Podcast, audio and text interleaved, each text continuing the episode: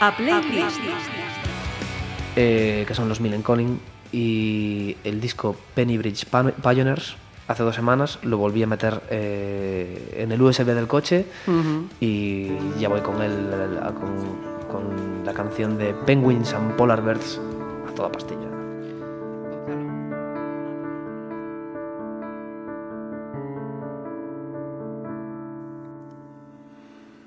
He llegado tarde y descansado. Después de tres días sin dormir. No me reconozco en el espejo. No queda nada que decir.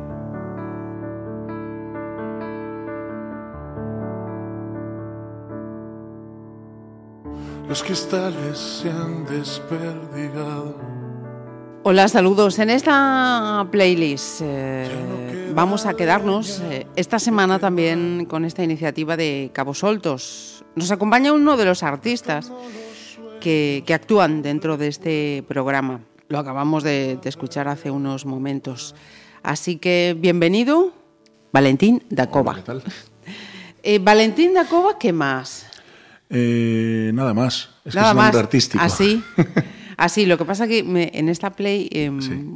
procuramos también indagar ahí en la, en la persona, no solamente en Eh, el. Realmente no me llamo Valentín Dacova. Me llamo Ajá. Valentín, pero Dacova es nombre artístico. Es el acrónimo de mi nombre y mis apellidos. Ajá. Entonces, eh, ¿qué aparece en ese DNI? Eh, Valentín da Costa. Ajá. ¿Y de segundo? Couñago. Toma. en Galego sí o sí. Sí. ¿De dónde son tus padres? Eh, uf, difícil ascendencia. Pues hay creo que portuguesa, brasileira y hay un poquito de todo. Pero es de Redondela y de Marín y Pontevedra. Ahí- Mira, em, hoy te invitamos eh, como músico. Eh, con esa actividad llega Valentín eh, Dacova a final de mes o hay que buscar otra actividad con la que mantenerse. Porque es una pregunta y una cuestión con la que Mm, me depende. encuentro cuando invito a muchos Depende, músicos. ¿esto lo escuchan en Hacienda o...?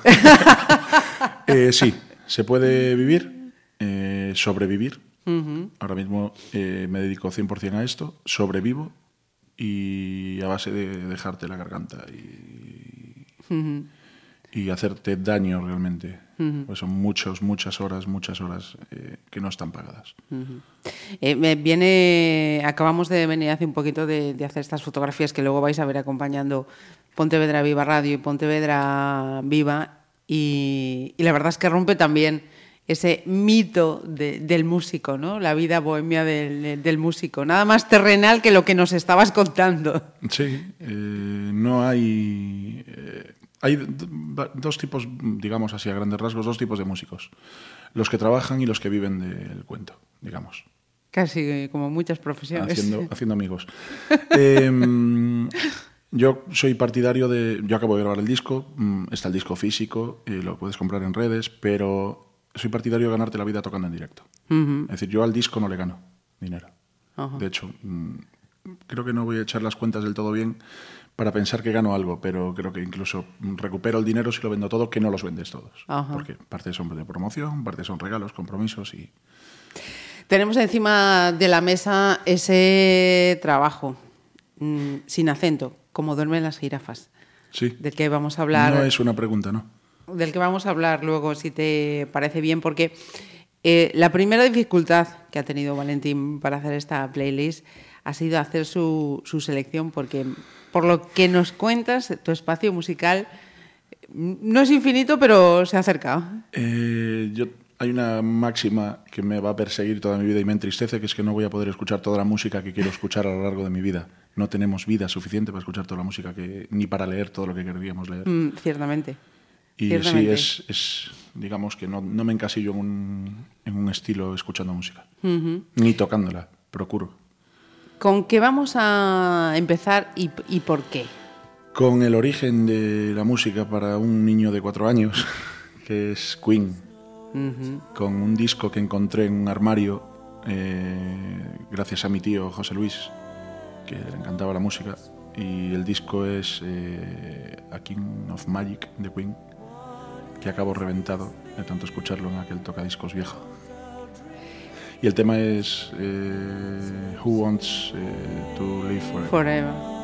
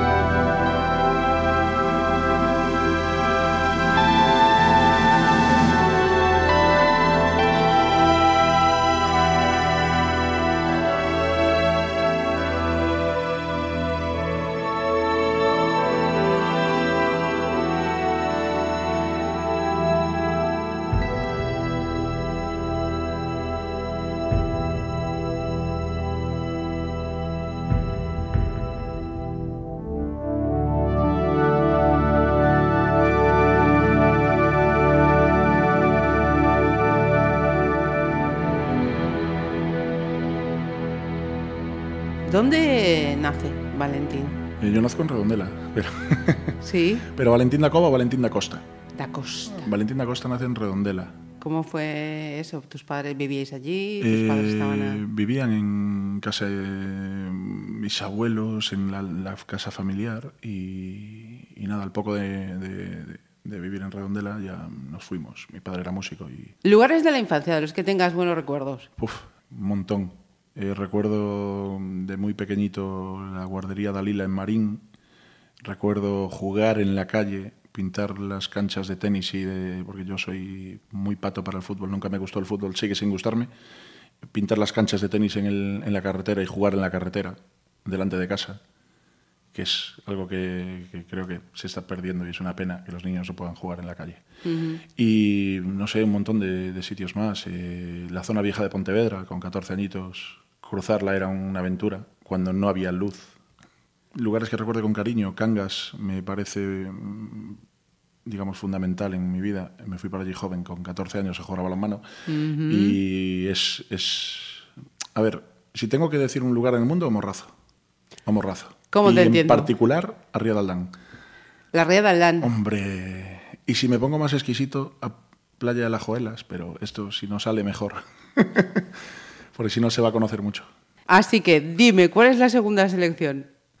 Eh, Héroes del Silencio, que es un grupo que escuché ya cuando tenía ya una edad un pelín más avanzada, no con cuatro añitos, lógicamente.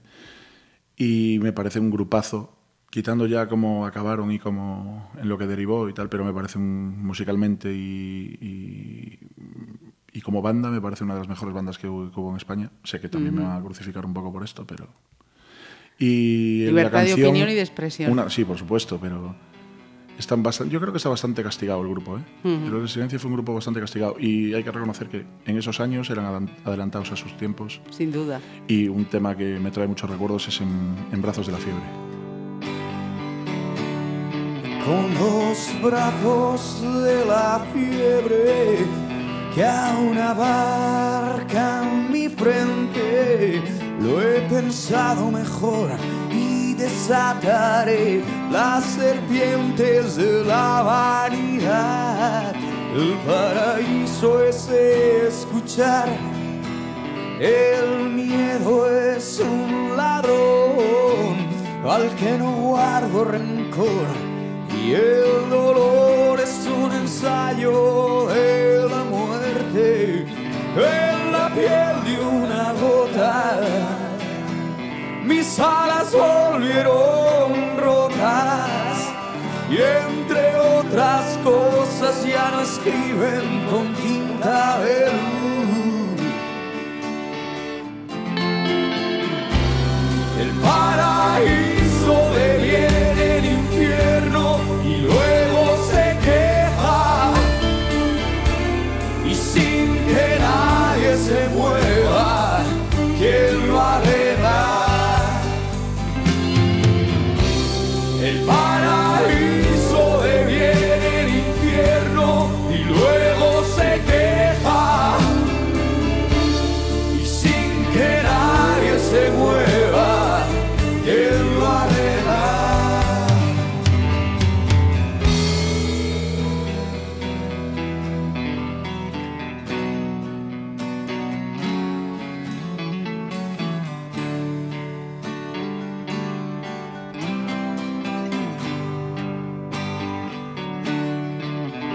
Gestado en mis escombros de pastoso paladar. El disparate del caos me derrotó con palabras de alabanza en la piel de una gota. Mis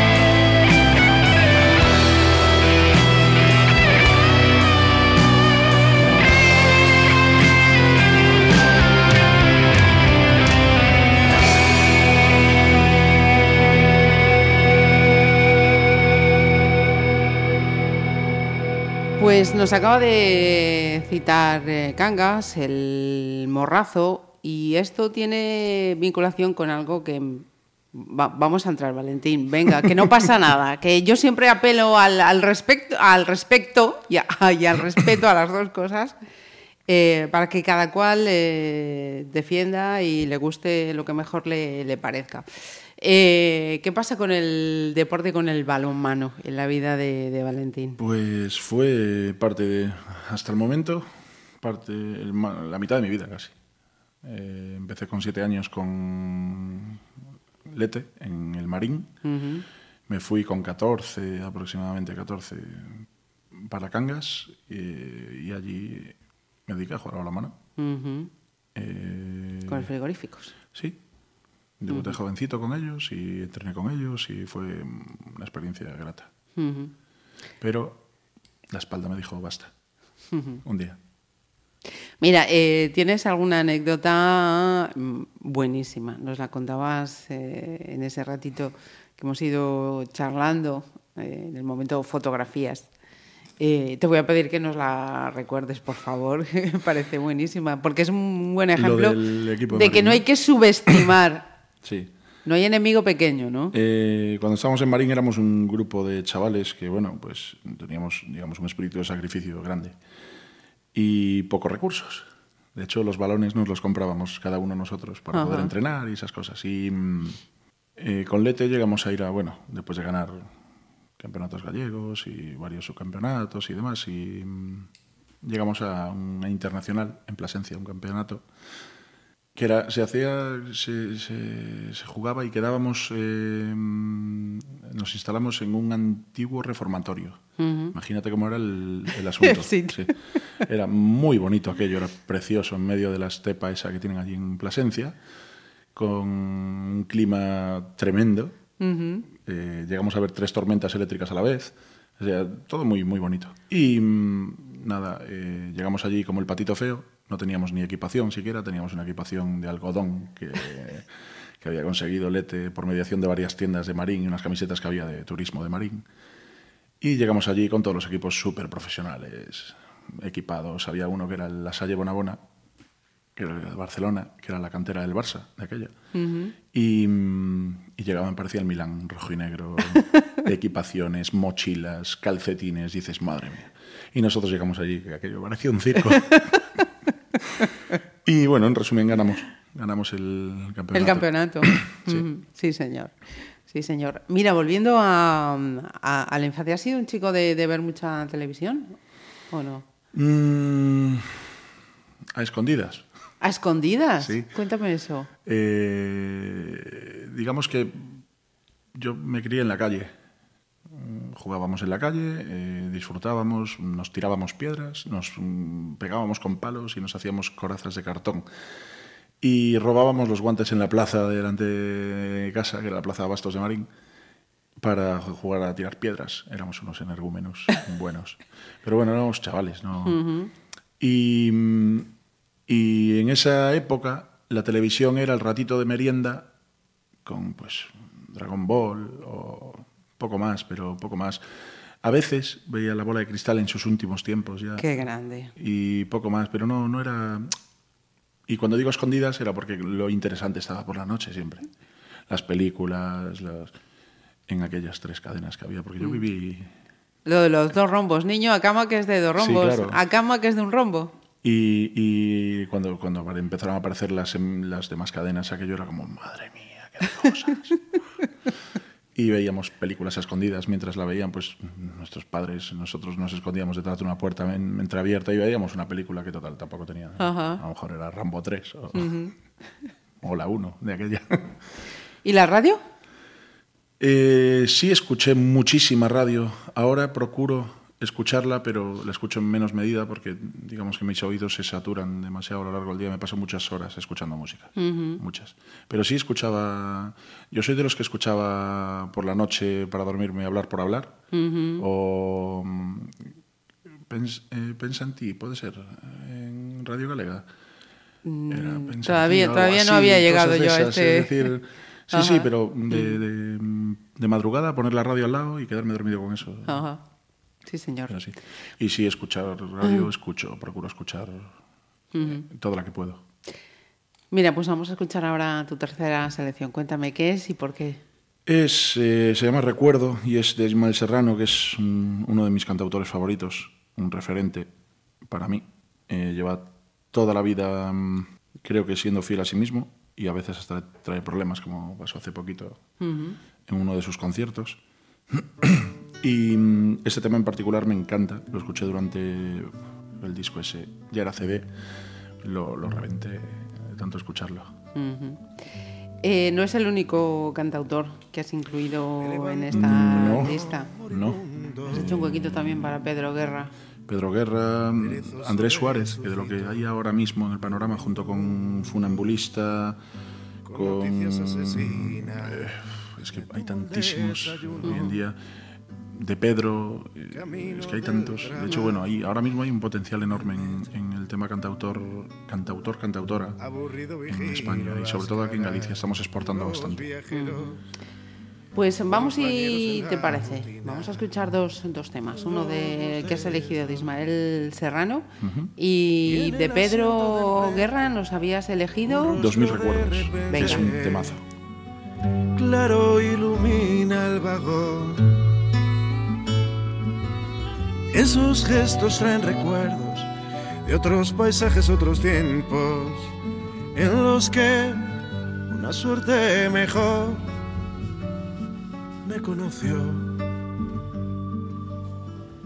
No me atrevo a decir nada, no estoy seguro, aunque esos ojos sin duda son los suyos, más cargados de nostalgia, quizás más oscuros. Pero creo que eres tú y estás casi igual, tan hermosa como entonces, quizás más. Sigues pareciendo la chica más triste de la ciudad.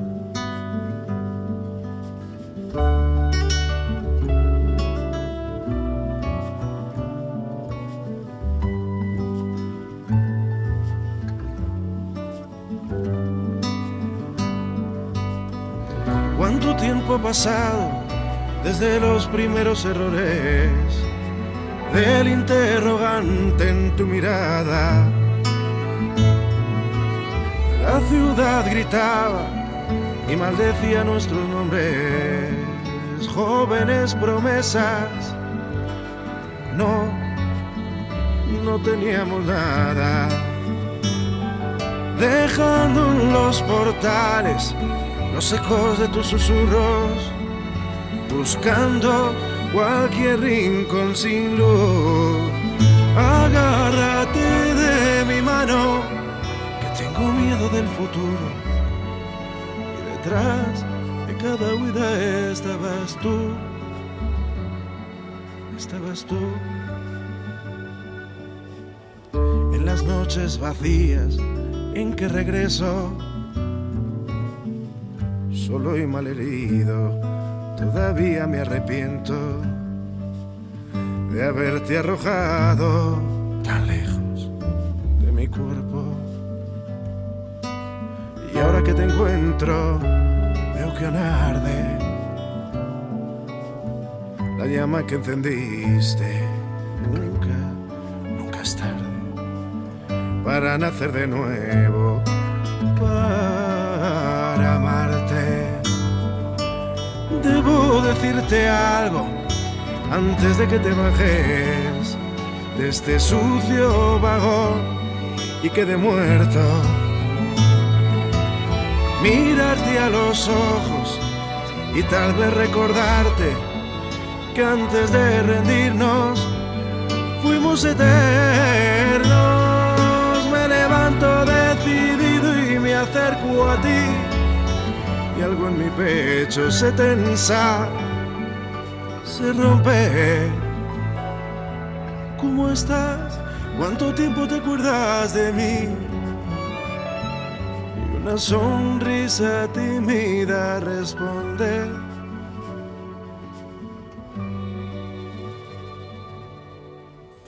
Perdone pero creo que se ha equivocado. Disculpe, señorita, me recuerda tanto a una mujer que conocí hace ya algunos años. Más viejo y más cansado, vuelvo a mi asiento. Aburrido vigilo las caras de los viajeros, compañeros en la rutina los bostezos.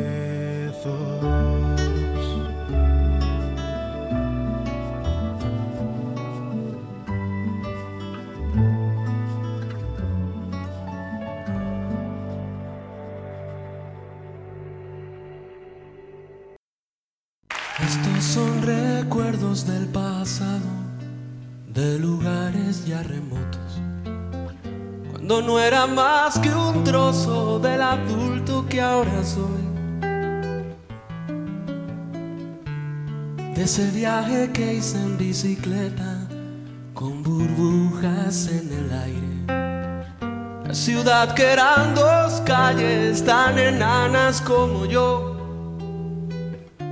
Tengo en un baúl dos mil recuerdos que quedaron de aquel tiempo donde guardo la ilusión.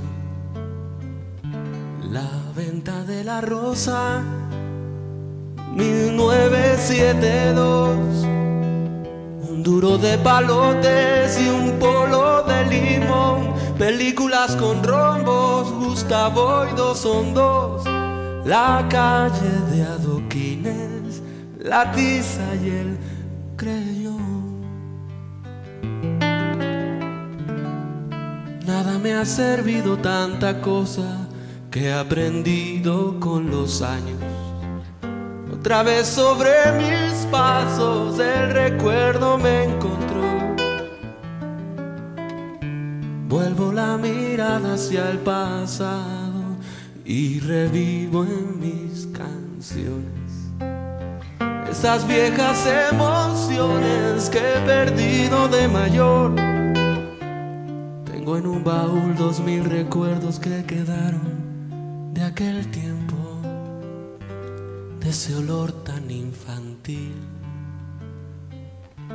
Las bolas de los flippers, el gesto de sentir la calma como norma, enero como abril, un sol de plastilina, veranos por vivir, los mistos que hacen ruido, petardo y regalí, y la patrulla X ganando para mí. Y estampas en los kioscos y tanto que pedir.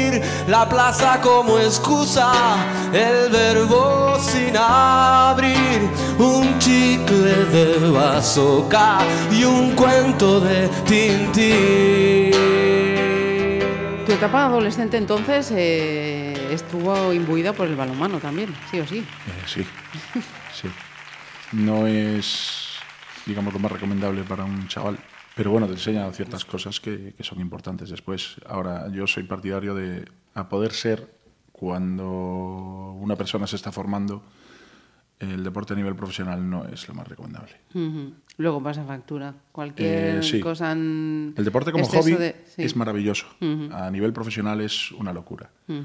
Lesiones acumuladas, mal curadas, eh, estrés al que no se debe someter a una persona de, De esa edad. esas edades que ya tienen bastante peso encima.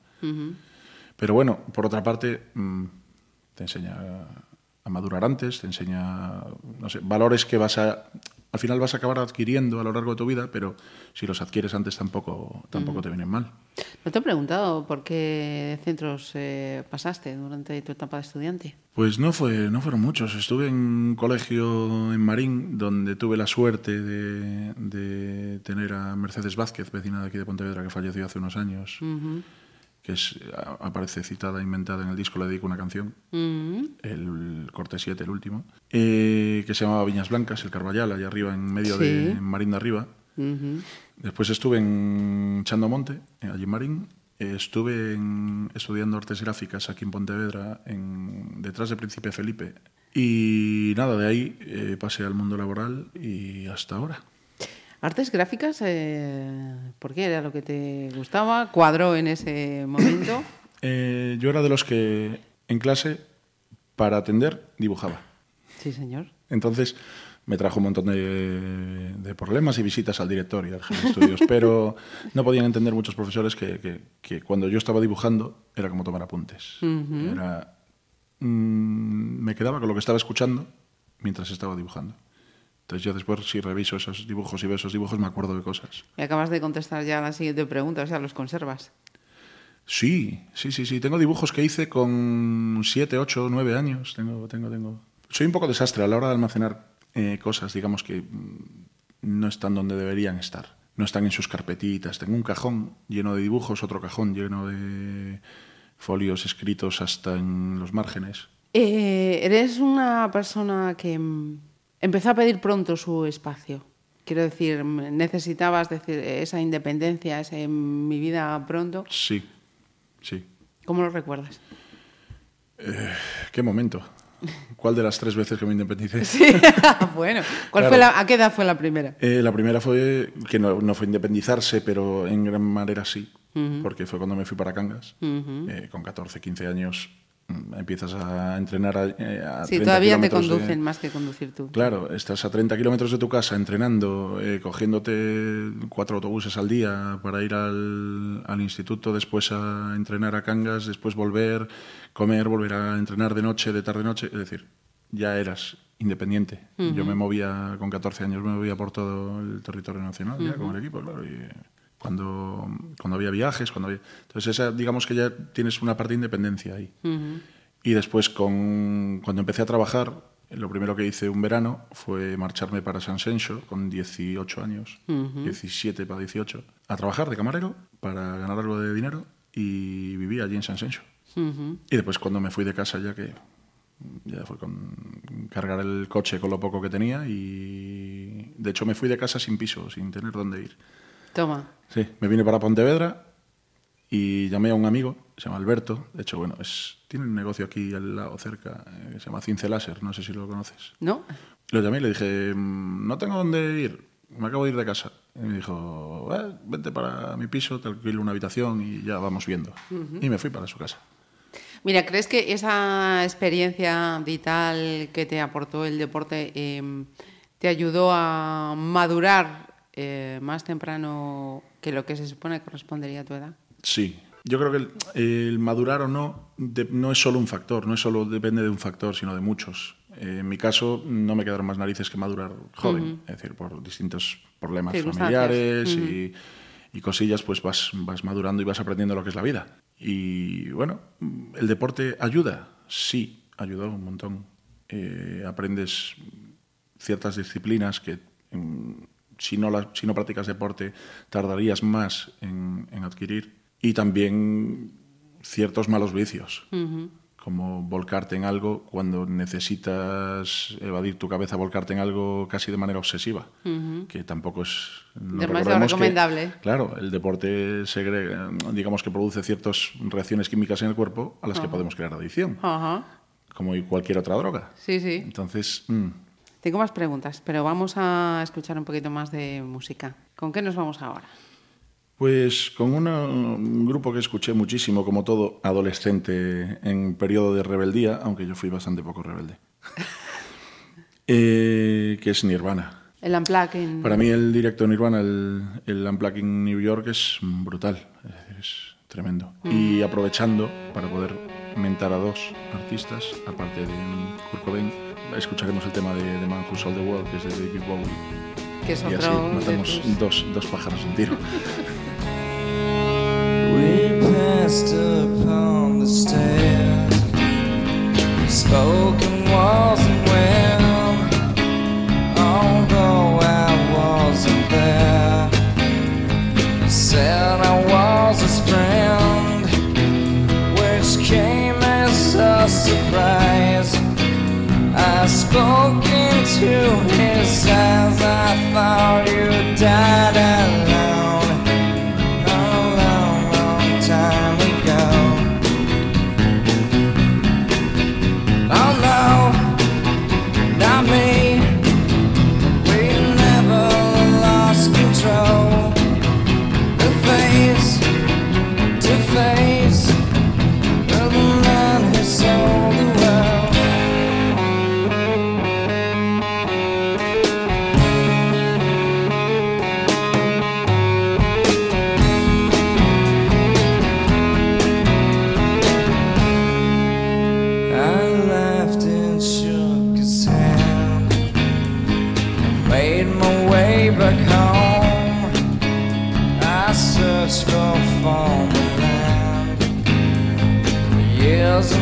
Years I. I gazed, I gazed and stared.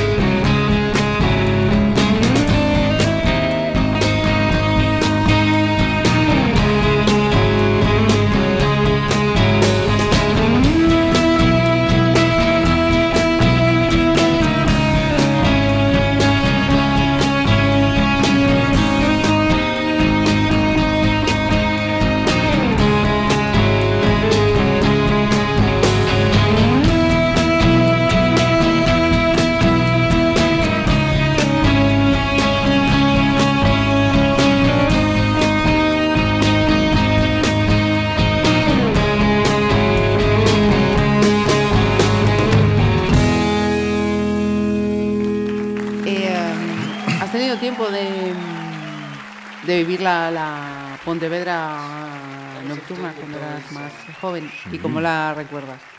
Si la miras Pues- con la perspectiva del tiempo y la ves ahora. Pues la viví mucho, ¿eh? Eh, trabajé en la noche en Pontevedra, en el Casco Viejo. Tuve dos locales en la zona vieja, en el Casco Viejo. ¿Ah, sí? ¿Cuál es? Eh, tuve el Nove Ajá.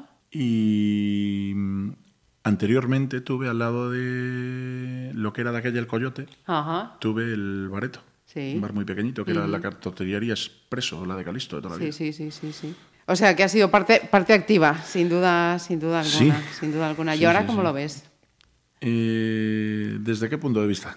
Pues, pues desde el punto de vista de cómo ha cambiado la noche en la ciudad. ¿no? De un tiempo, hace, hace unos meses no se decía que mm, Pontevedra por la noche ya no es lo que era, ¿no? por la desaparición de bueno, pues ciertos locales con su historia, su... Citando a, a Andrés, o a Andrés, perdón, a, mm, a Ismael Serrano, ya nada es lo que era. Es decir, no vamos a volver a vivir. Ni cualquier nunca. tiempo pasado fue, Claro, fue es que- mejor. Siempre estamos con antes molaba más, antes estaba mucho mejor, es que antes se... no vamos a volver a vivirlo, por mucho que queramos. Todo, todo tiene su momento, es decir, yo viví la Pontevedra de salir de fiesta y en, estar enganchando garito con garito hasta las hasta el autobús de las 7 de la mañana para, para volver a Marín, de aquella. Viví la Pontevedra de, del Dors en sus, en sus últimas épocas, eh, del, del Entre Lusco y Fusco, cuando lo abrió Jürgen, de, del Camagüey, del, incluso viví los últimos años del Licor Negro. Es decir, viví una Pontevedra que, que, pues, iba con los tiempos que, que, que le tocaba vivir. Y ahora mismo, ¿cómo está? Está más para gente de mi edad ya. claro. Eh, hay de todo, pero mm, yo ahora busco otra Pontevedra. Busco la Pontevedra donde poder sentarme a escuchar un concierto en directo, donde poder tomarme una caña con los amigos, donde no soy un, digamos, un bicho nocturno. Soy un bicho nocturno, pero no soy de fiesta ya. Ajá. No salgo apenas. Para mí salir es tomarme unas cañas con los amigos y que se líe un poquito la cosa y acabar a las 5 de la mañana, pero, pero empezar de tarde. no es- Pero empezar de tarde. Sí. Casi, casi como dicen los cafés toreros, ¿no? Sí, que conste que yo soy nocturno, es decir, eh, me activo de noche. Eh, Trabajo de noche, me, me encierro en el estudio de noche, eh, compongo de noche, escribo de noche. No, no, no suelo no suelo trabajar de día. Que conste que ahora, bueno, pues por todo el trabajo que se me viene encima, estoy Hay que más horas, pero, horas. Pero suelo activarme de noche. Ajá. Hemos hablado del deporte, pero no te he preguntado por eh, la primera vez, si recuerdas, que tienes un instrumento musical en tus manos. Sí, me acuerdo, sí, sí. Y te puedo decir incluso el nombre del instrumento, el modelo y Sí, sí, dónde por está favor, ahora. cuéntame. ¿Y cuándo? La primera vez fue con una Admira Belinda, es una guitarra del año- de los años 60 de mi tío abuelo, que él, bueno, tocaba la guitarra y, y yo recuerdo que empezó a dejarla en, en casa de mi abuelo, entonces yo la cogía y jugaba con ella y bueno, hacía cosillas. Me ponía mi cassette con la radio grabando la canción que me gustaba y rebobinaba hasta que me, hasta que se estropeaba la cinta para sacar los temas. Y todo eso con un hándicap añadido, que era que en Marín de aquella solo se podían comprar cuerdas en un sitio, se llamaba Pampillón, creo que era. Era un estanco así oscuro, con tenían cuerdas de guitarra española, pero cuando ibas tenías que pillar todas las cuartas, o- sí, no, todo- sí, todas las cuartas que podías, porque se rompían en la primera. Entonces era, ibas a- y no siempre había. Entonces, yo tocaba con una guitarra normalmente con, a- con falta de cuerdas. Eh, ¿Has sido entonces autodidacta? O... Sí. Hubo una pequeña experiencia con la música, digamos estudiando de pequeño, pero fue, de hecho fue lo que me hizo que empezara más tarde todavía con la música. Me metieron con siete años en clases de piano y bueno, con no muy buena fortuna, no muy buen resultado. Has nombrado las cassettes. Eh, Sí. Cuando comenzábamos esta charla has hablado de ese disco de Queen de tu tío. Eh, supongo que en algún momento llegarían eh, los eh, CDs. ¿Qué atesoras? Porque mm, me imagino que hablando contigo eh, el verbo sería atesorar. Eh, ¿qué, qué formato atesoras más y qué formato prefieres? Eh, por preferir, a ver, no soy un purista, no, no tengo reproductor de vinilos en casa, ¿vale? Escucho más CD, pero procuro escucharlo en un buen equipo, con unos buenos altavoces.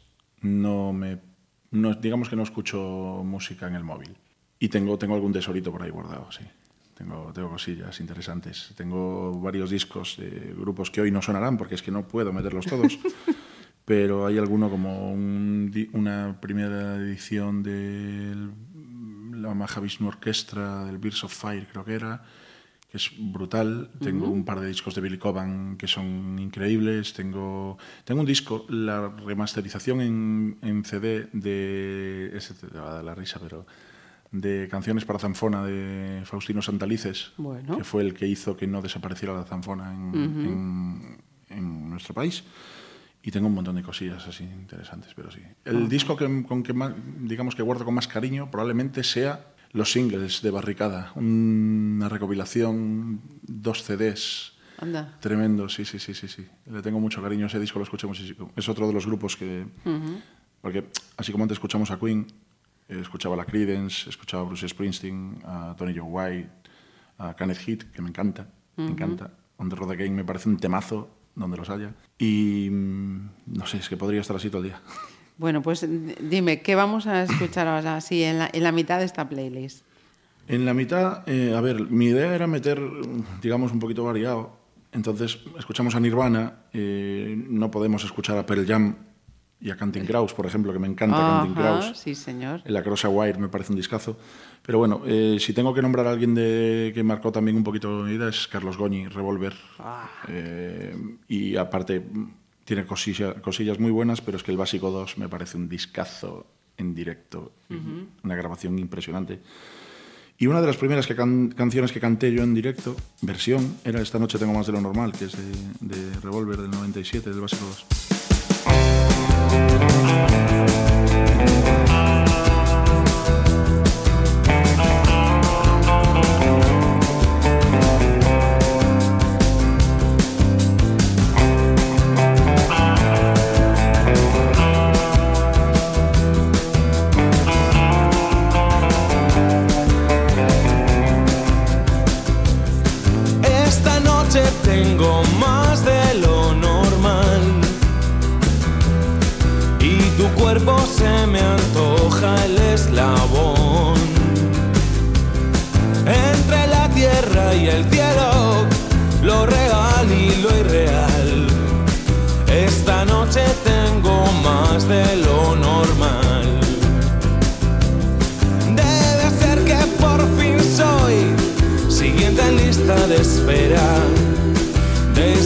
Sujetos a ayudar en esta maltrecha espera y te han puesto encima mío para siempre y por jamás.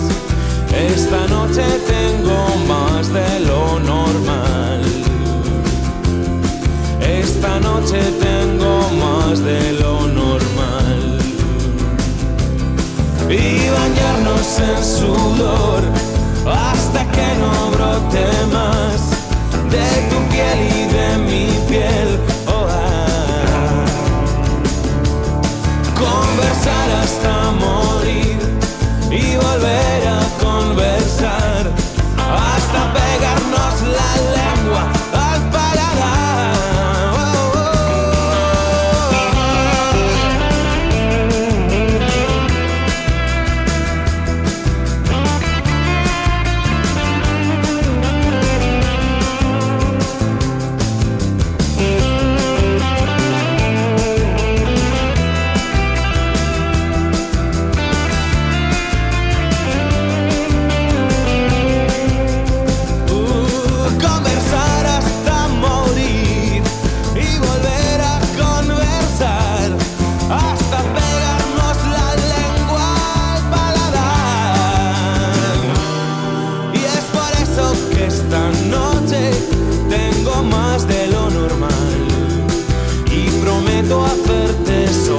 de mi piel de mi sangre y de mis huesos, pues no tengo mucho más.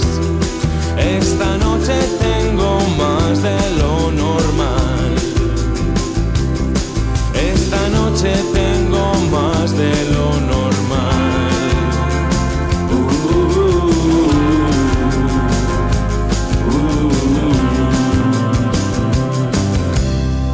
¿Te has enamorado muchas veces, Valentín? Cada día, cada día. Si no, la vida es triste, ¿no? Digo yo. Eh, aquí tenemos el concepto de amor que venden las televisiones.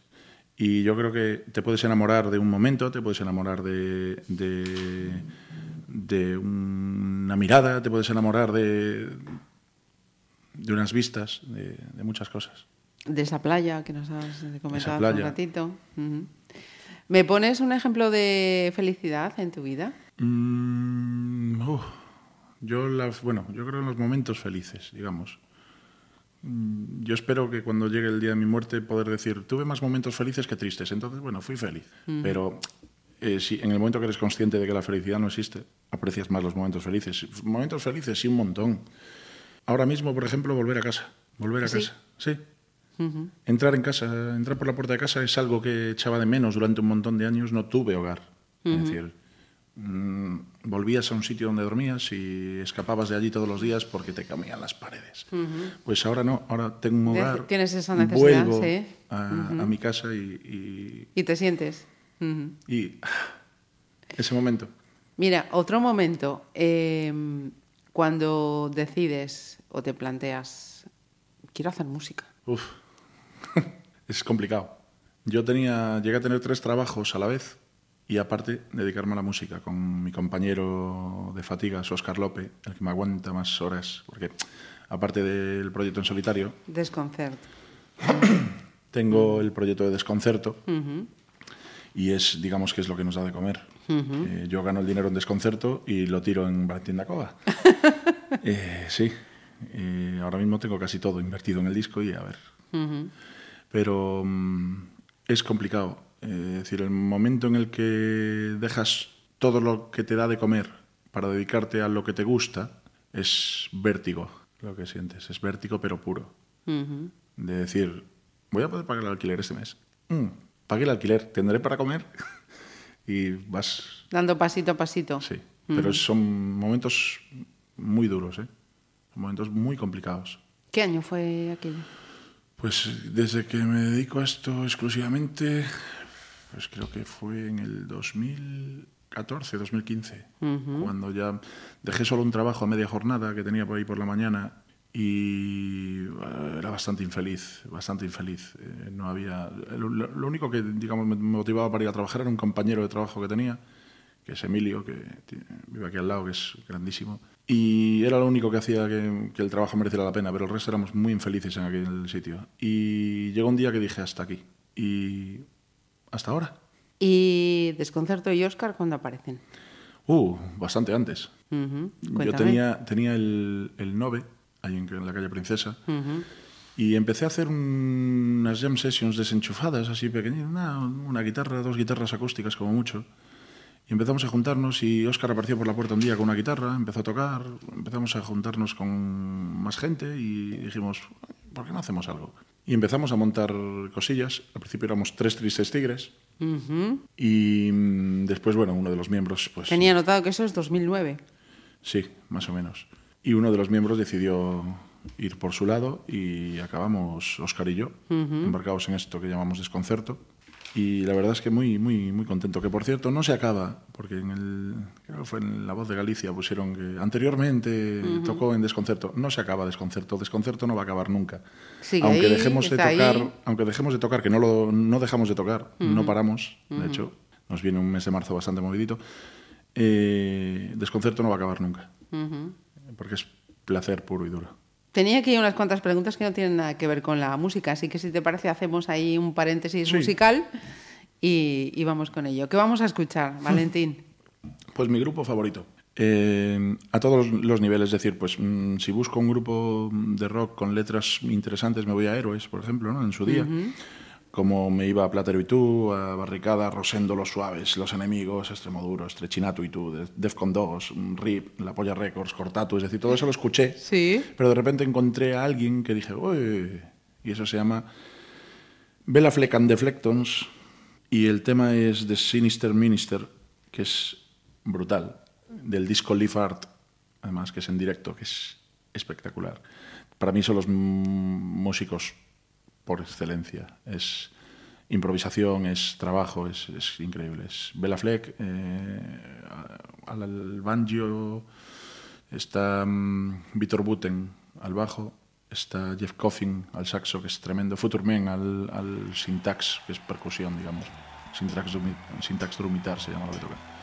Y bueno, en ese disco participan un montón de músicos, Trilo Burtu, Sandy Purman, es, es un discazo y es para mí el top.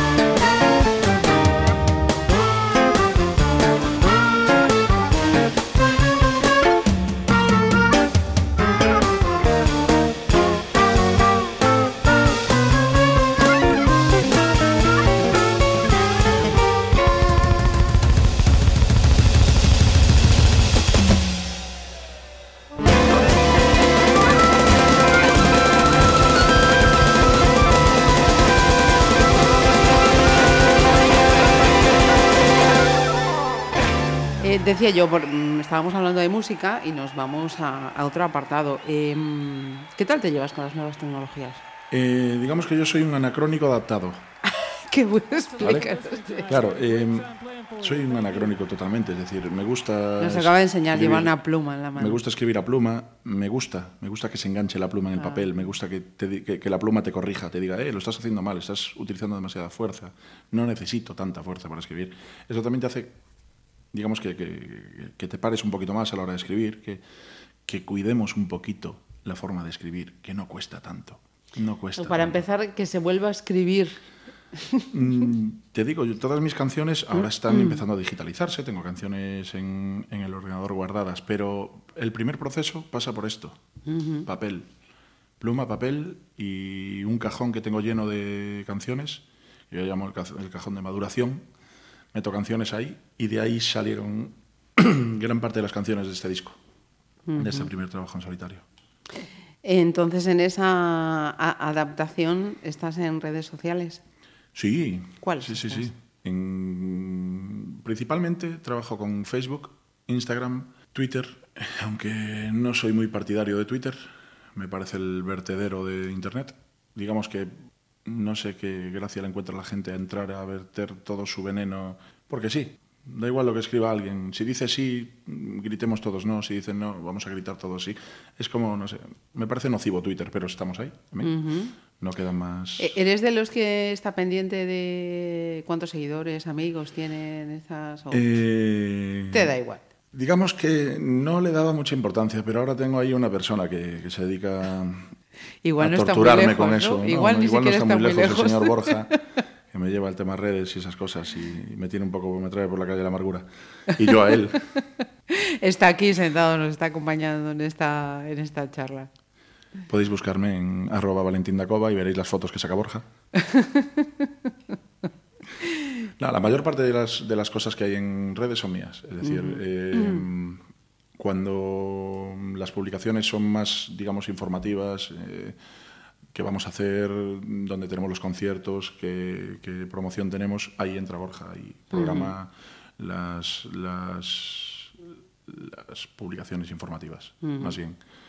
Por lo tanto, eh, ahora mismo a quién sigues y cómo lo sigues está condicionado también por esa proyección o no. No, no, no, sigo a gente lo más variopinta. Es decir, sigo a mi colega de toda la vida, sigo a alguien que me cae bien y me gusta lo que hace, a alguien que le gusta la fotografía como a mí, que soy aficionado a la fotografía, y sigo a, a quien me interesa, digamos.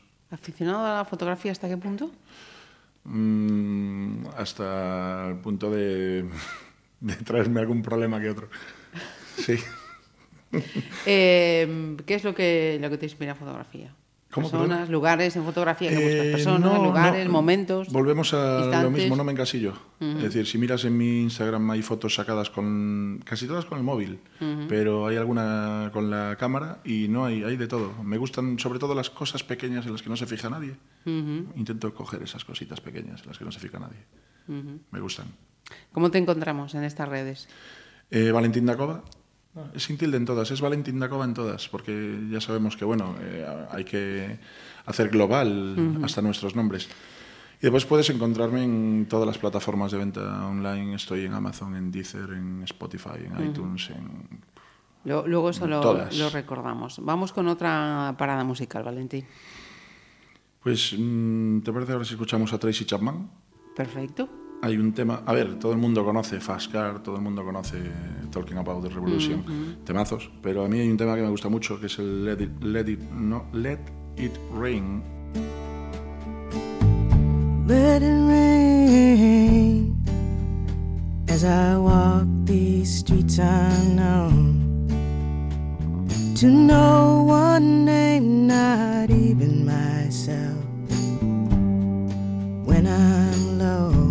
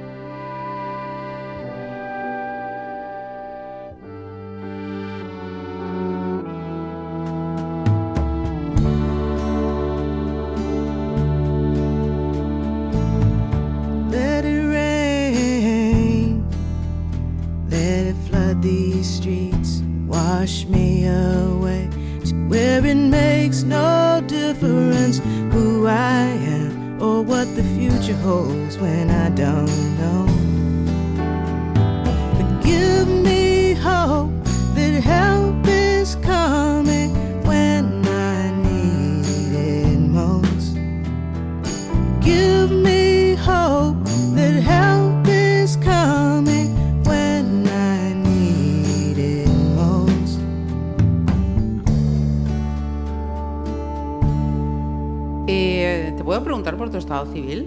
Eh, feliz, Bien. Coincide con el de ánimo. feliz, sí, bastante feliz. Eh, tengo pareja desde hace nueve años y muy contento. ¿Y le podemos poner el nombre? Sí, se llama Patricia. ¿Cómo conoces a Patricia? Pues es raro, pero mm, trabajaba en el bar que yo cogí y mantuvo su puesto. Y cuando empecé a conocerla, eh, digamos que dejó el trabajo y empezamos a conocernos mejor. Y desde entonces me aguanta todos los días. Eh, un día sin obligaciones sin obligación, sin obligaciones, si es que los hay, Los hay. ¿qué hace Valentín? Se queda en casa. Se queda en casa, pero sí o sí. Eh, sobre todo eh, de noche. Me gusta coger el coche e irme sin saber a dónde. Es decir, casi llegar a un cruce y decir moneda, cara derecha, cruz izquierda, venga, ¿pa' ¿dónde vamos? Y me gusta descubrir sitios nuevos, pero ah, últimamente con el ritmo de trabajo que, que llevo y el tema es eso, tú te tienes que gestionar a ti mismo el trabajo. Entonces, como decía uno, uno es el peor jefe para sí mismo. Y acabas metiendo muchas, muchas más horas de las que deberías. Entonces, eh, me quedo en casa, normalmente. ¿Un tipo de viajero? Me gusta, sí. ¿Un lugar o dos, tres que recomendarías? Esa Tres. manía de tener que Tres. concentrarlo todo. ¿Para qué? Buena respuesta. Claro, tres, depende. Hay tres sitios, por, hay más, pero hay tres que me fascinan de los viajes que hice, mis favoritos, que son Malta, me gustó mucho para pasear, eh, derretirte al sol en pleno mayo y mm, conocer, digamos, sitios históricos. tiene, Malta tiene una riqueza a nivel cultural tremenda, es decir, fue, allí estuvieron todos metidos, pero tiene monumentos megalíticos increíbles y bien conservados, además. Eh, para ese para pasear, para mm, digamos turisteo, Eh, para disfrutar eh, Azores, sin duda, San Miguel, sin duda. Venimos, bueno, hace poco estuvimos en, en Terceira también, repetimos Azores y fuimos a Terceira, pero claro, una vez conoces San Miguel, es que es impresionante. A mí me encanta San Miguel. Y para ir a morir, Galway, en Irlanda, Eh, es perfecto. tremendo, ¿eh? Lo que acabas de decirme. ¿No? ¿Por qué? ¿Eso lo, lo tienes pensado? Mm, No pienso. no- a ver, eh, digamos que no es que diga me voy a morir a Irlanda, pero sería un sitio bueno para acabar los días. Un sitio tranquilo, un sitio sin persianas, un sitio sin pasos de peatones. No hay papeleras, pero está todo impoluto. Es, digamos que es un sitio donde no me importaría vivir. O Islandia. Volvemos a lo mismo, hacemos una lista y volvemos a juntar ciento, ciento y pico lugares, como las canciones. Mira, y eh, supongo que la respuesta también puede, también va a ir, va a ir por ahí, eh, por lo que llevamos, eh, el tiempo que llevamos charlando. Si fueses manager musical, ¿a quién tutelarías y a quién no? Complicado. Tenía, tendría infinitas respuestas, ¿no? Tantas Sí. como los que han aparecido Sí. en la lista que no van a sonar. Ahora mismo hay un montón de gente buenísima que no tiene oportunidades de, de ir a ningún lado. Y es triste. Sobre todo, quieres tristeza, enciende la radio. ho- Hoy en día, es decir, pon cualquier emisora que se dedique solo a la música y escucha lo que hay. Se está acabando con la variedad, se está acabando con la riqueza cultural que había en música en cualquier emisora de radio a cualquier hora del día y se está intentando hacer con la música lo que se intenta hacer con la mayor parte de las cosas en el mundo y es guiar el pensamiento y la atención hacia un mismo foco y eso es malo. Casi me ha respondido a la siguiente pregunta que deja de tener sentido. No te las estoy leyendo, ¿eh? No. Yo Eh, difícil, soy- con la letra que tengo ahí creo que sería muy difícil. Y entre eso y mi vista del índice muerto, Ya hay respuesta. Eh, yo le iba a preguntar, ¿renunciarías a hacer la música que, que te gusta, que sientes a cambio No. de éxito, de ingresos? No. Lógicamente, estaba claro. No, pero no. De hecho, hace poco en un concierto, perdón, con desconcerto, se acercó una chica, que desde aquí le mando un saludo, no hay ningún problema, pero y me dijo, ¿por qué no tocáis algo más de hoy en día? Un poquito de reggaetón. Así le dije, no, me niego a tocar nada que no me guste y si me pongo más, como le dije a ella, me niego a tocar ningún tipo de canción que digamos, su letra tenga contenido machista, misógino o que degrade a cualquier mm, persona por condición sexual, eh, por lo que tenga entre las piernas o por cómo piense o... No, me niego. Mira, eh, ¿y una actuación que recuerdes especialmente? Uf, varias.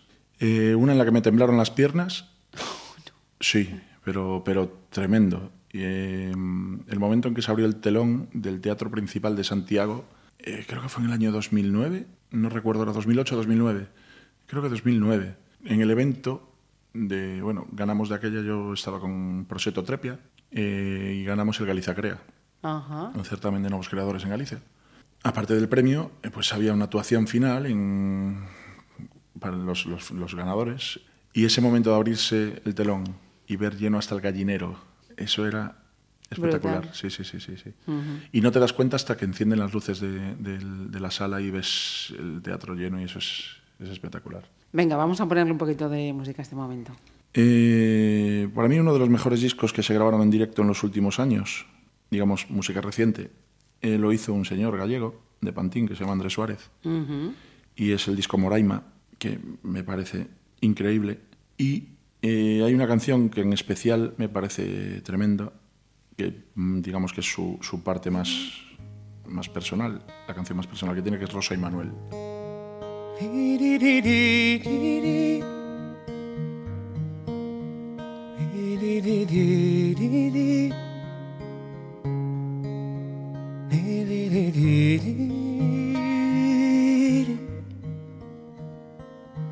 Tu nombre es una planta que hay delante del portal, aún lo recuerdo. El nombre de la calle se parece al del mantel, pero al revés. La playa que hay a un lado debería contar algo que hicimos de jóvenes. Te veo tan bien. Supongo me miras extraño por no hacer de rey de este palacio. No conocer el reino, pues ayer tuvieron que irme a recoger. A una casa arruinada creo que vio nacer a alguien y hoy te juro no sé quién es. A veces alguien llora mientras duermo y Rosa aprieta el pecho contra el tallo y Rosa se marchita en un papel que se encontró limpiando entre caricias y recuerdos que firma bajo Manuel. Recuerda tú que puedes. Recuerda tú que puedes.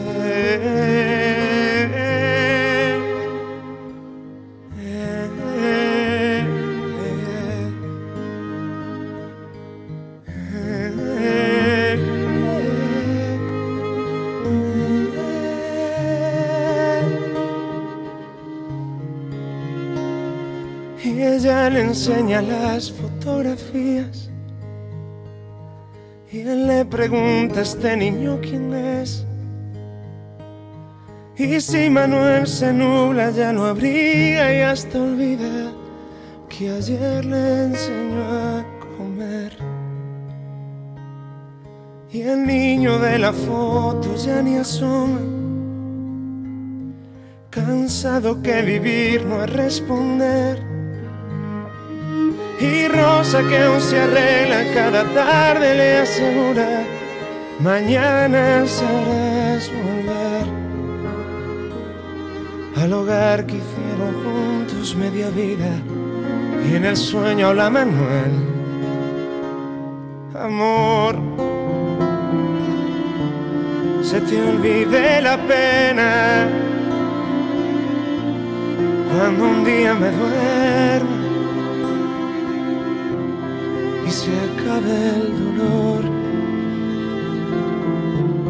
Y te hablaré de todo, no olvidaré los pasos, bailando en el salón, te pediré perdón por olvidar de nuestra fecha, amor. Y me vestiré solo y correré hasta el parque. Donde un niño a la tarde conmigo se enfadó por no devolver el beso, el abrazo que llorando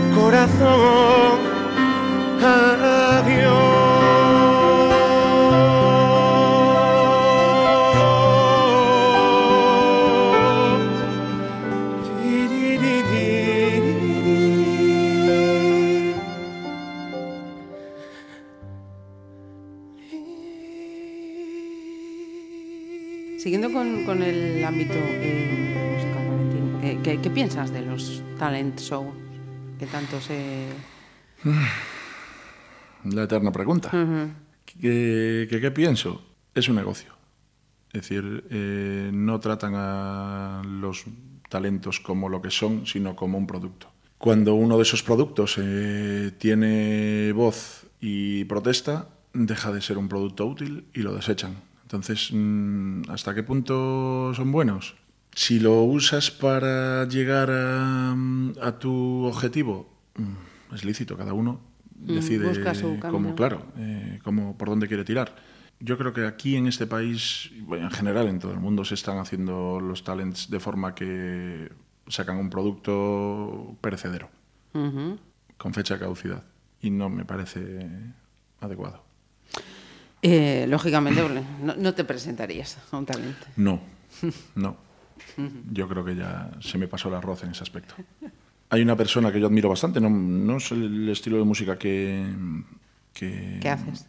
que hago ni que escucho, pero se llama Manu, que salió de Operación Triunfo, Carrasco, Manu Carrasco, que sacó una canción hace poco, no sé si la escuchaste, eh, que habla de su lengua materna. Es decir, em, bueno, hay un par de historias de- en, en Madrid de gente andaluza que tuvo problemas por su acento, le pedían que hablara en neutro y tal.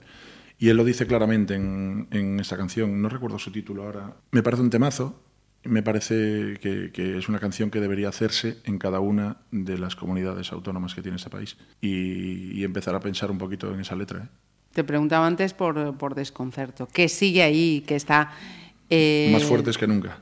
De hecho, eh, estáis, tanto Valentín como Desconcerto, está entre los eh, conciertos que esta semana están previstos dentro del programa eh, Cabos Soltos. Sí.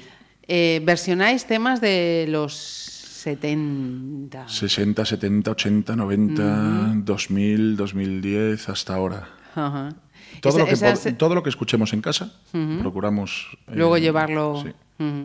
¿Cómo hacéis esa adaptación? Oscar tiene asumida una parte, Valentín tiene otra. Esto es un Eh, mix que cada día puede. Desconcerto no tiene... Es lo más anárquico que te puedes eh, encontrar en, en la música. Es decir, eh, nadie está por encima de nadie. Desconcerto somos Oscar y yo. Hay músicos que después entran, salen, eh, participan en algunos bolos. Pero somos, descon- eh, somos desconcerto, digamos. Da igual quién entre, en ese momento eh, forma parte a partes iguales de desconcerto. Ujú. Sea por un día, sea por un año, sea por los bolos a los que venga. Y no, eh, desconcerto va, pro- o sea, vamos proponiendo. Decir, oye, montamos este tema en tal tono, venga, pum, pum, pum. Ya, ya Ese va. tema lo probamos en pruebas de sonido, vamos a ver qué tal suena, cómo va sonando, como en pruebas de sonido. Y cuando consideramos que está, que está para tocar. Maduro. Sí, lo echamos, pero no, no solemos obsesionarnos con una lista, ni con. De hecho, tenemos un repertorio de casi 14, 15 horas de música. Venga, haznos otra selección. Aquí viene el problema. Eh, se están acabando. Sí, nos quedan dos. Dos, dos, tres. Entonces, aquí podría meter un montón de la música que estoy escuchando ahora, ¿vale? Eh, uf, es que claro, mm, tengo una idea de lo que sería, mm, vamos a decir esta. Eh, ahora mismo estoy escuchando a gente como Ben Kaplan, eh, de Death South, em, ese tipo de música acústica. Y hay un grupo que me parece, un, digamos, mi idea de grupo a día de hoy, em, referente de proyecto musical que se puede llevar a cabo fácil. Y se llama John Butler Trio. Y mmm, tiene un tema en especial que me encanta, que se llama Spring to Come, y es, es tremendo. Está grabado con una guitarra acústica, un contrabajo y un, percusionista está tocando cajón, shakers y poco más. Percusión eh, acústica.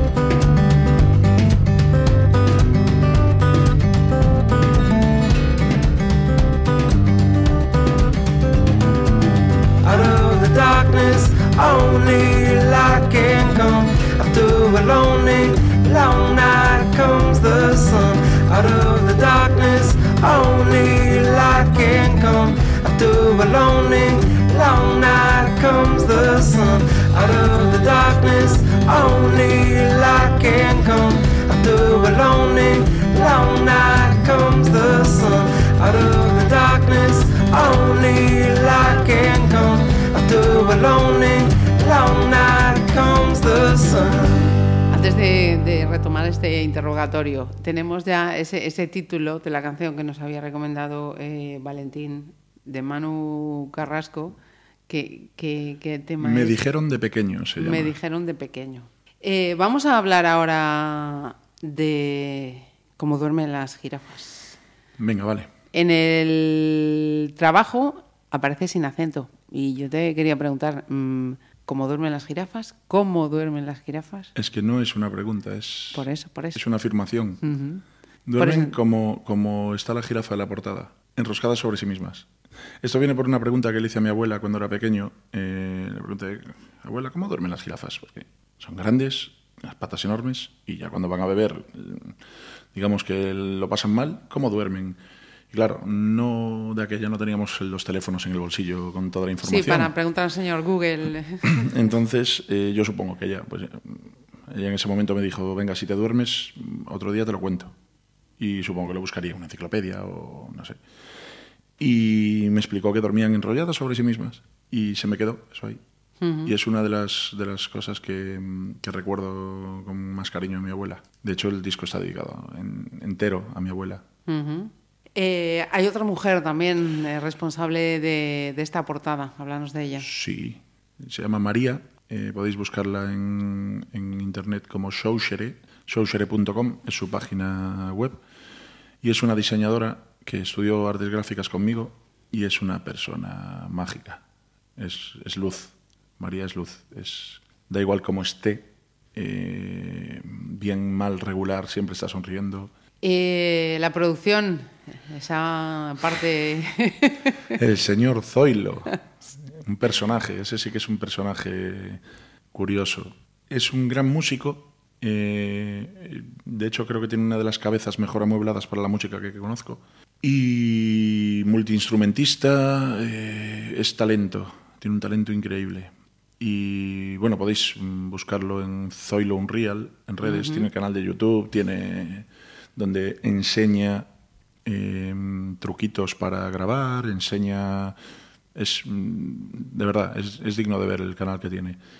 Y es un amigo desde, el, desde la infancia, desde el colegio. Uh -huh. Desde el colegio Carballal. Uh -huh. Por aquellos años nos conocimos. O sea, hace un montón. Eh, mira, nos decía también en ese ratito de, de paseo que hemos tenido eh, que como duermen las jirafas está a medio camino entre el EP y el, el LP, ¿no? Sí. no llega a ser un LP, ¿vale? tampoco un EP, se quedó en siete canciones. Eh, podría decirte, no, es que el número siete es un número mágico, mm, todo tiene un sentido. En... No, eh, hasta donde da la pasta, es así de sencillo. Podría grabar 80 canciones ahora mismo Uh -huh. Pero ese disco en particular tenía que tener... A ver, esto está mal que lo diga, pero este disco es para mí. Es una terapia, es un disco hecho para mí. Uh -huh. Así a grandes rasgos. Me sorprende, por ejemplo, la acogida que está teniendo y que temas que yo creía que iban a ser demasiado personales, que no se iban a entender del todo, que están gustando y, y eso, bueno, me gusta. Hasta el punto de que conozco a gente que le gusta más mi disco que a mí mismo. O sea, es, sí, sí, sí. Es tremendo, pero sí. Uh -huh. eh, mira, mm, hablábamos antes de desconcerto, hacéis esas uh -huh. eh, versiones y aquí eres eh, tú a, a, tumba abierta. Sí, sí, sí. De hecho, este disco es casi arrancarme la piel. Eh, son, hay temas que escribí con 15 años, como, como Duermen las jirafas, lógicamente no es el tema que está sonando ahora. Uh -huh. eh, yo con 15 años no tenía, digamos, el bagaje que tengo ahora a la hora de escribir, entonces está pasado por un filtro de la edad. Pero la forma de cantarlo es mantuve, digamos, al niño de 15 años. Hay cosas que hoy en día en directo ya no hago como, como están hechas en el disco, pero en ese tema en particular eh, hay ciertas cosas forzadas y tal, pero estaban escritas así, quise mantenerlas, uh -huh. por lo que supuso ese, escribir ese tema en ese momento. Vamos, vamos a seguir hablando de, de, este trabajo, pero vamos a hacer la penúltima selección de esta playlist. Mira, yo quería nombrar a, a, a dos personas que, para irnos de todo lo que acabo de decir, como, como ves, tiene una línea definida, ¿no? en un estilo.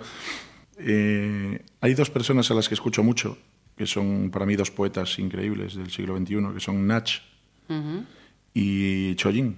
Eh, podría escoger cualquier canción de Chollín, es, es un, un, artista como la copa un pino, un pedazo de poeta, y encima es una persona íntegra. De hecho, bueno, no sé si sabes, eh, está, está organizando ahora, os animo a que entréis en sus redes sociales y veáis lo que está, la que está liando el tío porque en su cumpleaños va a alquilar una casa rural en medio de Teruel, creo que era algo así, y uh -huh. va a poner a disposición 50 camas para quien quiera pasar su cumpleaños con él.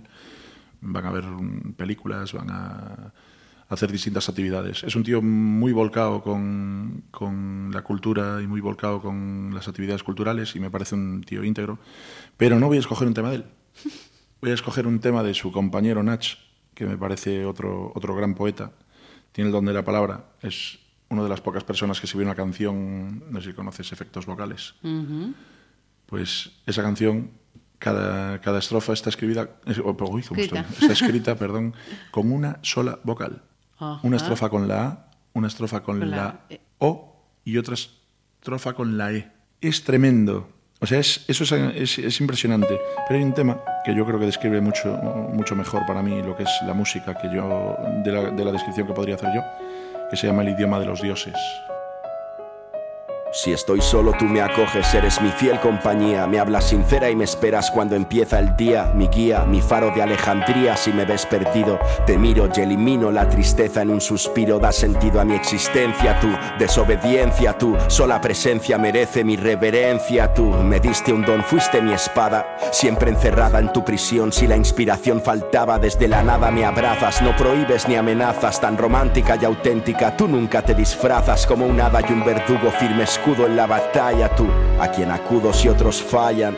Me das retos, aventuras y responsabilidad. Me das éxito y dinero, me quitas la intimidad. Me exiges crear, me haces temblar, soñar, me curas. Me eliges para hablar. Si las calles están mudas, me desnudas con ternura y siento tu tacto y tu olor. Si te veo volar libre entre la voz de un cantautor, eres ópera y flamenco, eres todo lo que tengo y te amo. Mientras brotas entre las notas de un piano y me desintegras, pintando estas noches negras, me alegras, me invades, me vades, alejas las tinieblas y me resucitas siempre. Nunca me mientes, eres el recipiente donde lágrimas se vierten, eres tango y eres ritmo, vives en do, re, mi, fa, impredecible compás. Cuando te vistes de jazz, llegas y me das oxígeno, mi único somnífero. Si el mortífero estrés tensa mis músculos, discípulo de tu inmensa maestría. Cuando no te conocía, cómo podía vivir sin percibir tu melodía. Fuiste mía y solo mía en mis horas de miseria. Compones la banda sonora de esta tragicomedia. Reina entre mil reyes, cumbre de mis valles, me levitas y así evitas que tanto odio me ametrae. Tú, si eres hip hop, muestras denuncia y carisma, pero te vistes de clásica y sigues siendo la misma. Eres tú, mi suerte, eres tú, tan fuerte, eres tú. Tan diferente, surges y de repente la vida olvida la muerte. Imposible detenerte si naces de un pentagrama. Si el drama yace en mi cama, me abres enormes ventanas. Tu llama jamás se apaga, luz de eterna juventud. Cuando lloras punteando una guitarra de blues, eres tú. La rabia sucia y rasgada de Kurt Cobain, el compromiso sincero de Marvin Gaye. La grandeza de John Coltrane, improvisando con el saxo. La mirada niñada en los ojos de Michael Jackson. Y es que tu son me sedujo, tu luz me dejó perplejo y caí. Reviví como el sol en forma de soul y R&B. Bebí de ti el elixir y resistí los golpes. Y fui torpe, encontré por fin mi norte, mi soporte. Entre acordes de Mark Knopfler, redobles de Hancock Herbie. De Vivaldi hasta Elvis, desde Verdi hasta Chuck Berry. Inmortales piezas musicales hacen que el tiempo se pare. Estallan como bombas provocando ondas letales de esperanza, de aliento y vida. Mi gran amiga, solo tú haces eficaces todas las frases que diga. Mi balanza, mi paz, mi druida. En la fatiga, solo tú haces realidad los sueños que yo persiga. Y es que sin ti no hay destino, solo piedra y mil caminos. Sin ti soy un mimo temblando en el camerino. Pero tú acoges mis voces y me ves desorientado. Y bailas conmigo un vals igual que dos enamorados. Eres la llave inmortal que abre este mental presidio. Desde el Tears de Butan Clan hasta el ojalá de Silvio. Envidio el poder que impones en canciones. Despiertas mis emociones con creaciones de Ennio Morricone. Sensaciones sin control cuando eres rock and roll. El erotismo de un bemol en la voz de Diana Kroll. El solo de guitarra eléctrica que el silencio rompe. La armónica que esconde las manos de Stevie Wonder. Vi donde todo acaba. Inhalas ira con Black Sabbath. Respiras vida con la calma que inspira Bob Dylan. Hostilas y posees a James Brown. Mueve su cuerpo junto a Freddie Mercury. Ray Charles jamás habrán muerto. Y es cierto, da igual que suenes con un arpa o una cae. Con la clase de Frank Sinatra o de Barry White. Eres la métrica enigmática que envuelve mi ser y lo salva. El idioma con el que los dioses hablan. Eres música. Siguiendo como duermen las jirafas, el primero de los temas, 42 grados en diciembre, son muchos grados de Dios, ¿eh? En este primer tema del, del disco, ¿por qué? ¿Qué, qué no, qué nos cuenta Valentina ahí? Eh, yo te animo a que, aparte de escucharlo, lo leas, Ujú. porque es distinto. Eh, yo, mm, lo que te decía, soy un anacrónico adaptado. Dentro del disco está el libreto con las canciones, con las letras. Yo te animo a que lo leas, porque ¿se pueden explicar las canciones? Sí. a mí lo de, no, es que si explicas una canción pierde... No. Mm, Si te apetece explicarla, explícala. Si no, no lo hagas. Pero creo que cada uno puede sacar las, las lecturas que, que más le guste. Sí, que tú la escribes con una intención, con un bagaje, Claro. con un Esta canción- porqué, y quien las escucha, las escucha y las interioriza con otro. Sí, esta canción tiene un- algo curioso que me comentaba Oscar, o, mm, Borja el otro día, que es que tiene dos tipos de público a los que le gustan. Los que de repente en la historia dicen, joder, menuda historia, dura. mm, mm". Después están los de, qué animada es la canción, qué ritmito. Sí, es una historia dura dentro de un ritmo animado. Entonces es, rompe un poquito mm, ese, ese mm, digamos, es- esa, esa inclinación que haya, voy a contar algo muy duro, voy a contarlo llorando. No, eh, yo creo que es una canción que al final sacó algo positivo, que es eh, Crecí. Mira, ¿y esa mano abierta de la contra?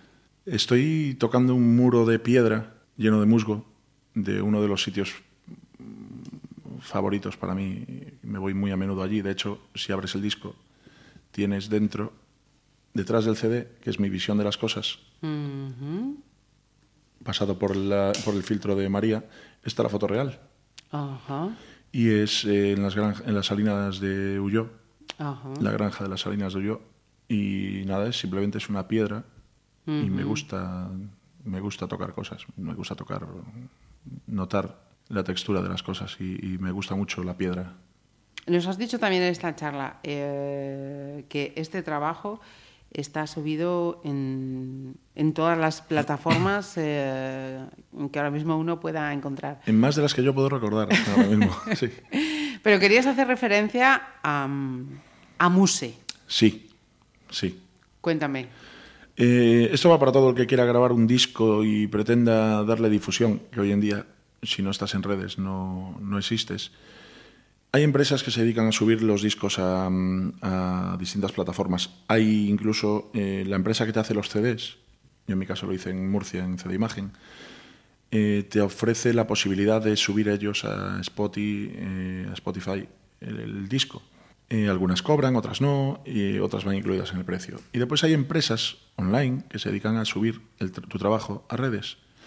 Muchas ponen gratis, pero En realidad no yo me tiré son. una semana entera leyendo todos los contratos de las que más me interesaban, a ver cuál era el... Y de repente me topé con unos tíos suecos que se llaman Amuse, que es una discográfica. Eh, no solo te suben el disco gratis, sino que además ellos gestionan eh, que si alguien reproduce tu música sin tu consentimiento, eh, veas el caso, te ponen un vídeo en YouTube y te suben una canción tuya. Eh, la monetización te la ingresan a ti directamente. Es decir, se encargan de eso, eh, no se llevan un duro, hacen un trabajo bastante digno. Hay cosillas que, bueno, están puliendo poco a poco y, y lo están consiguiendo, pero me parece digno de mención que una empresa a día de hoy, por el simple hecho de tener un, digamos, una bolsa de músicos, eh, te suban ese trabajo gratis a cualquier, a cualquier plataforma. Cuando mm, llegan a estar, pues no te puedo decir exactamente precios fijos, pero hay quien por disco te cobra 90 euros por subirlo a Spotify. Te recuerdo que para conseguir un céntimo en Spotify necesitas muchísimas escuchas, miles. Ya sabemos que la mayor parte de las veces esa gente que invierte ese dinero va a perder el, el dinero, es a fondo perdido, porque no lo recuperas. Y esta gente, digamos que se le ocurra, se le ocurra bastante. Lo bueno, después tienes un, ellos tienen una, una bolsa de músicos ahí, un archivo de músicos que si de repente uno destaca un poco, pues acaban poniéndose en contacto contigo, te ofrecen cosas. Eso que tienen los suecos. En esto de la música siempre han ido unos pasos por delante. Yo creo que es distintas formas de ver las cosas. Eh, aquí cualquier empresa te cobraría una pasta solo por promocionarte. Ellos lo están haciendo, te están subiendo el disco, que es un trabajo, pero titánico. Y otra forma de, de rentabilizar ese ingente trabajo, los conciertos. ¿Cómo estamos ahí? Pues Tenemos, eh, ya, lo señalábamos, estás en Cabo sí, Soltos, estoy en Cabos Soltos. eh, 23. podría decirte que ahora mismo estoy tocando en el café de 4 a 4 en Vigo, eh, por si a alguien le apetece y llega a tiempo.